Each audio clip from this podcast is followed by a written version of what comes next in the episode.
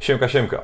Kolejna intensywna noc za nami, a w niej m.in. powrót Kristapsa Porzingisa na Manhattan, debiut w nowym klubie Paula Georgia, ale też byki, które napędziły mocnego stracha kozłom. O tym wszystkim opowiemy sobie w 24 sekundy, a o meczu dnia, na który wybraliście Brooklyn Nets kontra Denver Nuggets, opowiem Wam 48 sekund, co oznacza, że zaczynamy kolejne sprinty. Choć Kristaps Porzingis został wybuczany w swoim powrocie na parkiet Madison Square Garden po transferze, to zagrał przyzwoity mecz, notując 20 oczek, 11 zbiórek i 3 bloki, ale trafił tylko jeden z pięciu rzutów za 3 i nie był w stanie poprowadzić swojej nowej drużyny do zwycięstwa w Nowym Jorku. Wspierał go dzielnie Luka Doncic, który zanotował kolejny indywidualny świetny mecz. 33 oczka, 11 asyst, 10 zbiórek i 3 przechwyty, ale też tylko 3 na 12 za 3. Zresztą nikt w Dallas dzisiaj dobrze z odległości nie trafiał. Dennis Smith Jr. pozyskany za Porzingisa za to zaprezentował się dobrze, notując 13 oczek, 8 8 asyst i 6 zbiórek. Milwaukee Bucks musieli się zaskakująco mocno natrudzić, żeby wygrać u siebie z Chicago Bulls. Pod nieobecność Chrisa Middletona świetnie zaprezentował się duet Janis Eric Bledsoe. Janis zanotował dzisiaj 38 punktów, 16 zbiórek i 3 przechwyty. Eric Bledsoe dołożył 31 oczek, 8 asyst i 2 przechwyty. Z kolei po stronie Chicago kolejny świetny mecz debiutanta Kobiego White'a, który zanotował dzisiaj 26 oczek, trafiając 6 z 13 rzutów za 3.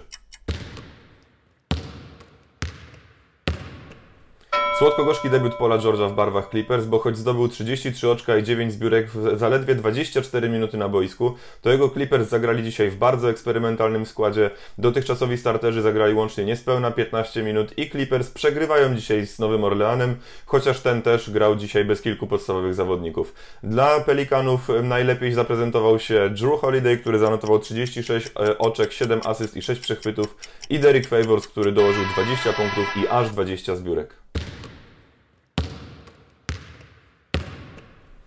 Pierwsza połowa meczu w Denver to świetna, bardzo zespołowa gra zawodników Brooklynu, którzy systematycznie powiększali przewagę do nawet 16 oczek w tej części gry. Grali naprawdę szybką, bardzo przyjemną dla oka koszykówkę, za którą obrona Nuggets nie nadążała, zwłaszcza Nikola Jokic. W trzeciej kwarcie trener Mike Malone zdecydował się posadzić Jokicza na ławce na dłuższy okres czasu i rzeczywiście, jak później sam stwierdził, jego Nuggets zdecydowali się wtedy zacząć bronić. Na przełomie trzeciej i czwartej kwarty zanotowali serię 34 do 16 i z minut 11 zrobiło się plus 7. Jokic wrócił na boisko i Nuggets doprowadzili to prowadzenie do ostatniej e, sekundy, do ostatniego gwizdka. E, Nets byli wyjątkowo nieskuteczni w drugiej połowie, zdobywając w niej zaledwie 32 oczka, pudując ostatnich 19 rzutów za 3 z rzędu. Łącznie w całym meczu trafili tylko 8 z 38 rzutów, a ich zdobycz 93 punktów to ich najgorszy wynik w tym sezonie. W pozostałych meczach dzisiejszej nocy Miami Heat wygrywają pewnie w Cleveland z miejscowymi Cavaliers 108 do 97, a Phoenix Suns pokonują pewnie u siebie Atlanta Hawks wygrywając 128 do 112. Muszę jeszcze o tym wspomnieć, że Carmelo Antony w końcu znalazł pracodawcę.